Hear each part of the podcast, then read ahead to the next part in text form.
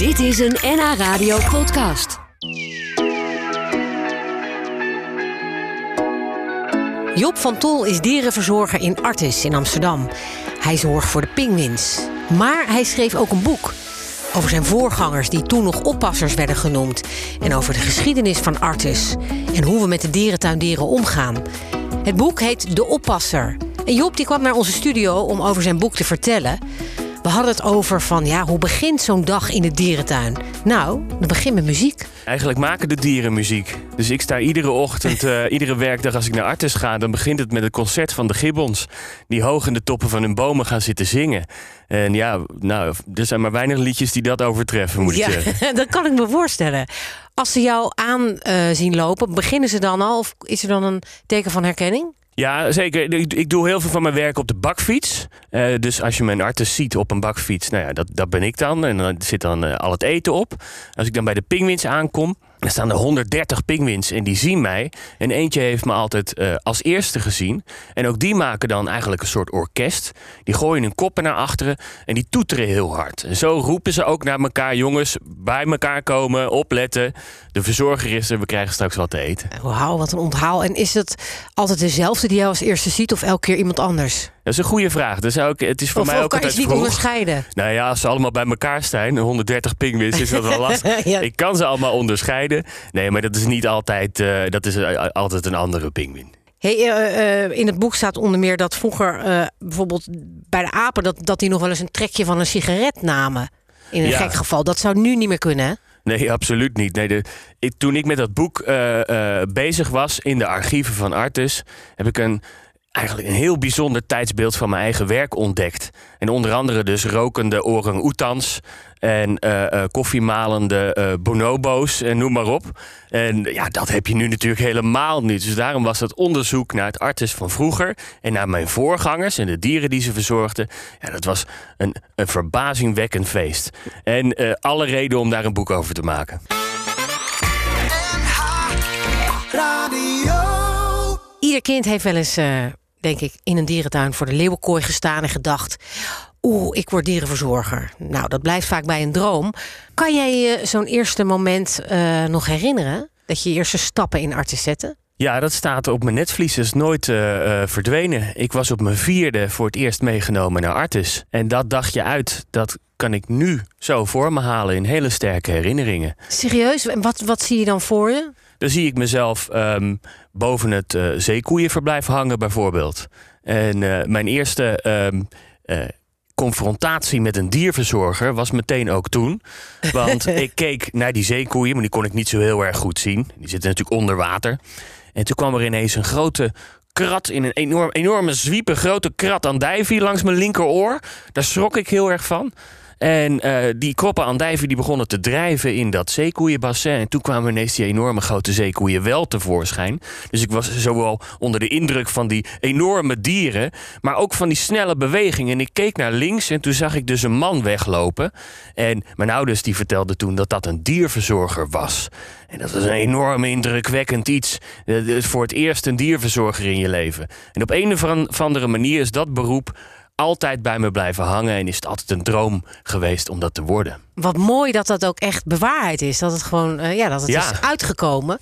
Um, en als je dan, als je nu jezelf ziet lopen in die dierentuin en je vergelijkt dat met die oppasser van vroeger, lijken jullie dan op elkaar of is het anders? Nee, helemaal niet. Nou ja, het is, uit nieuwsgierigheid ben ik op zoek gegaan naar de vraag wie was nou de oppasser van 100 jaar geleden.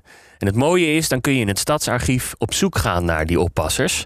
Uh, want er is heel veel bewaard gebleven. En toen zag ik de man die ook op het boek staat. En dan zie je eigenlijk al meteen dat het een totaal andere man is dan uh, die ik ben. Het is een hele andere tijd. Want kun je vertellen wat de man heeft een aap in zijn, in zijn, in zijn armen en hoe, hoe kijkt hij? Of wat is het voor man? Nou ja, het is oppasser Houtman, Wilhelmus Hendrikus Houtman. En die heeft 50 jaar lang uh, was hij de hoofdoppasser van het apenhuis. En op op de foto's die ik van hem tegenkwam. Het is een hele fotogenieke man met een gigantische snor. En hij heeft zo'n zo, zo'n prachtige mooie vetkuif. En hij zou zo ook in een film kunnen spelen. En, maar het mooie, het meest bijzondere is dat hij op iedere foto dus gearmd staat met een aap. Ook hele grote apen. Orang-oetans en gibbons en chimpansees. Alle apen die bij hem leefden, die waren kennelijk zo vertrouwd met hem... dat ze ook met hem op de foto gingen. En toen dacht ik, hey, hier moet ik meer van weten. Ja, En want hij, die aap op, op het boek die poseert ook. En die heeft een beetje dezelfde blik als oppasser. Ja, en die aap die bleek dus bijna, nou ja, in ieder geval even interessant als de oppasser. Want eh, dat eh, verhaal van dat dier heb ik ook gevonden. Dat was namelijk Mafuka. En Mafuka, dat was de fa- favoriete aap van oppasser Houtman. Want Mafuka, nou ja, die was zo vertrouwd met oppasser Houtman... dat het eigenlijk een beetje een collega werd. Als Houtman in de keuken stond, dan hielp Mafuka... met het, eh, met, met het klaarmaken van het eten van de andere apen. En eh, hij, hij maalde koffieboontjes. En hij haalde de lunch op als mevrouw Houtman bij de poort van Artes stond. Dan kon Houtman die kon Mafuka met een schaaltje naar de poort sturen. En dan legde mevrouw Houtman dat, dat, lunchpakketje voor meneer Houtman op dat schaaltje. En dan liep Mafuka zelfstandig weer naar het apenhuis. Dus dat is- Bijzonder. Is dat totaal ondenkbaar dat dat van nu nog zou gebeuren, zoiets? Nou, het hoorde een beetje bij de soort. Want wat ze, waar ze toen nog nooit van eh, eh, gehoord hadden, was de bonobo. En die kennen we nu wel. Je hebt chimpansees en bonobo's. Genetisch zijn dat de dieren die het dichtst bij ons eh, staan. Maar toen kenden ze dat nog helemaal niet. En bonobo's zijn heel intelligent, maar ook gevoelig en sensitief en zachtaardig. Dus het was helemaal niet zo gek dat hij de, ja, de aandacht van oppasser Houtman zocht. Ten meer ook omdat in die tijd de dieren ook nog uit het wild kwamen als eenlingen. En een bonobo, net als een chimpansee en wij, wij zijn allemaal sociale primaten.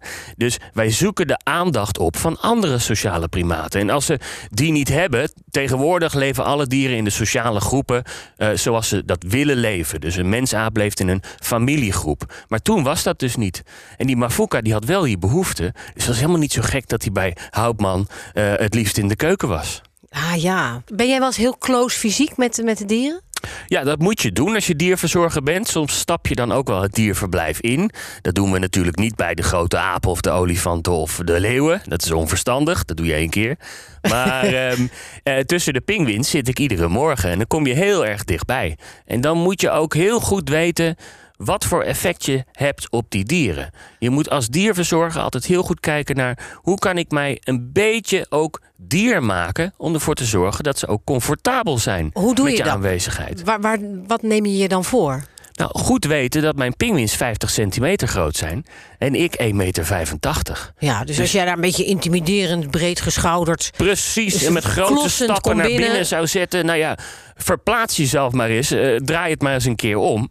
Dan, en ze moeten wel gewoon op hun gemak kunnen zijn tijdens het eten. Dus ik maak mezelf altijd rustig. Een dierverzorger moet een lage energie hebben. En die loopt rustig het perk op. En dan ga je te midden van je pinguïns zitten. Je bouwt ook routines in.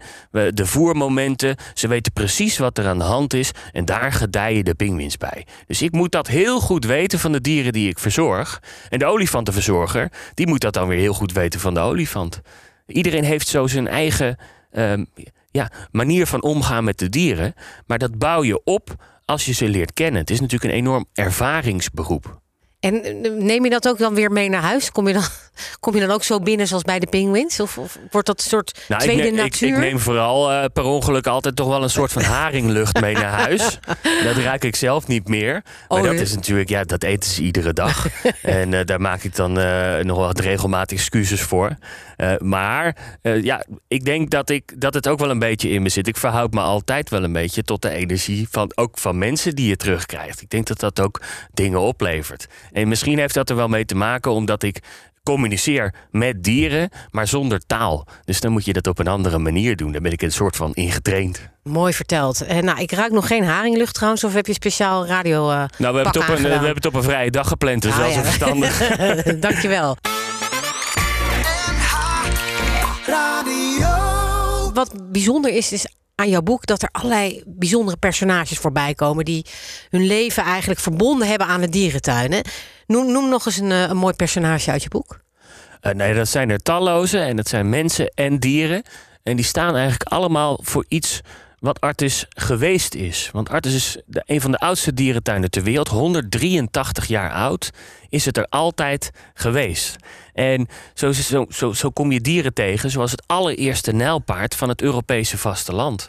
Of de allereerste reuze orang-oetan. Ik heb daar het hele verslag van uh, binnengekregen. Uh, in, in het archief gevonden.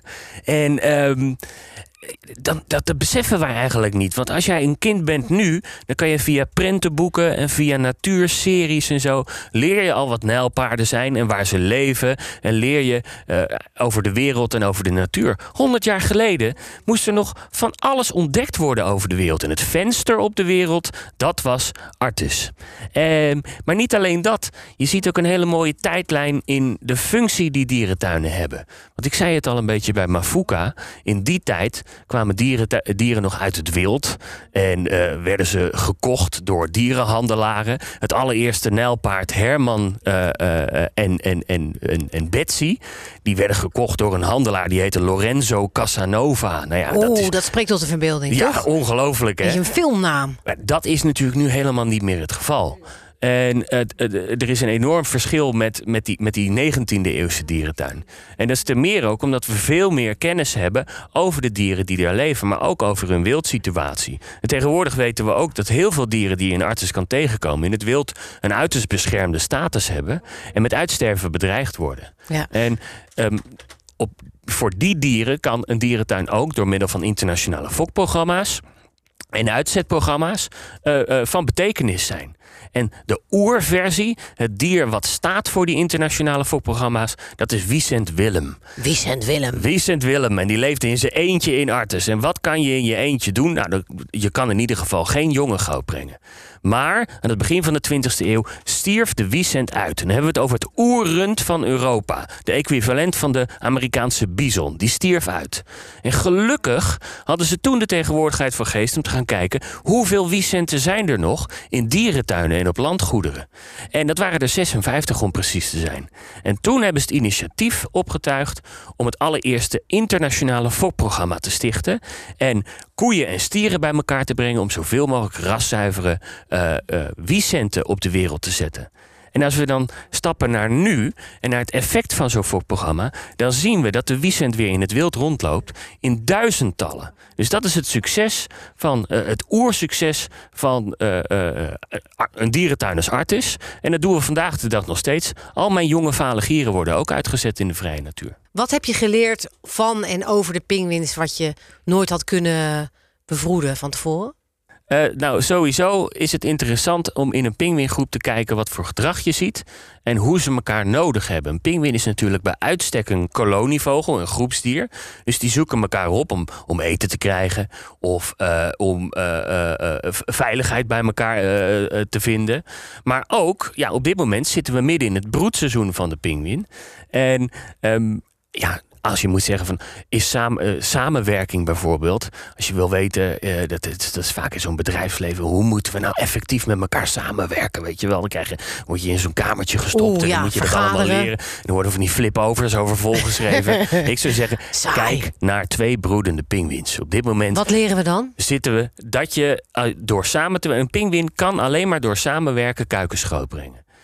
Ze moeten 38 dagen lang moeten ze die eieren uitbroeden. En vervolgens moeten ze daar zes weken lang moeten ze die dieren warm houden, eh, beschermen en eten geven. En dat kan je alleen maar samen. En als je ziet hoe effectief zij elkaar afwisselen in die taakverdeling, dan denk ik, ja, dan kan ik wel eens bij, meka- eh, bij mezelf bedenken, eh, eigenlijk met no nonsense, dat dat gewoon heel inspirerend is voor als ik, nou ja.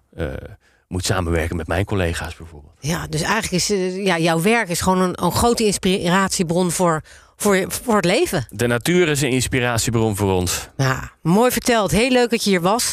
En eh, ik zeg nogmaals, eh, we kunnen een paar boeken weggeven. Je moet er snel bij zijn. Even een mailtje sturen naar eh lunchroom.namedia.nl En schrijf ook een mooie herinnering op aan een bezoek aan Artis van jezelf. Dat zou leuk zijn. Ehm, ja, het boek is te koop in de winkel. En ik hoop dat je snel weer een keer langskomt. Hartstikke leuk. Toch? Dankjewel. We waren ook weer niet uitgepraat nog. Nee joh, nou, joh, ik kom gerust nog een keer vertellen over, eh, eh, nou ja, Orang Oetan Sultan. Ja, Sultan, die komt ook in het boek voor. Hè? Ja. Wat is bijzonder aan Sultan? Sultan rookte sigaartjes. Ja, hij nam een paar trekjes, vond hij lekker? nee, nee, eigenlijk niet. Maar het is wel wetenschappelijk helemaal omschreven hoe die dat deed. Oké, nou je maakt ons lekker voor de volgende keer. Job van Tol, dank voor je komst. Dit was een NH Radio podcast. Voor meer, ga naar nhradio.nl. NH Radio.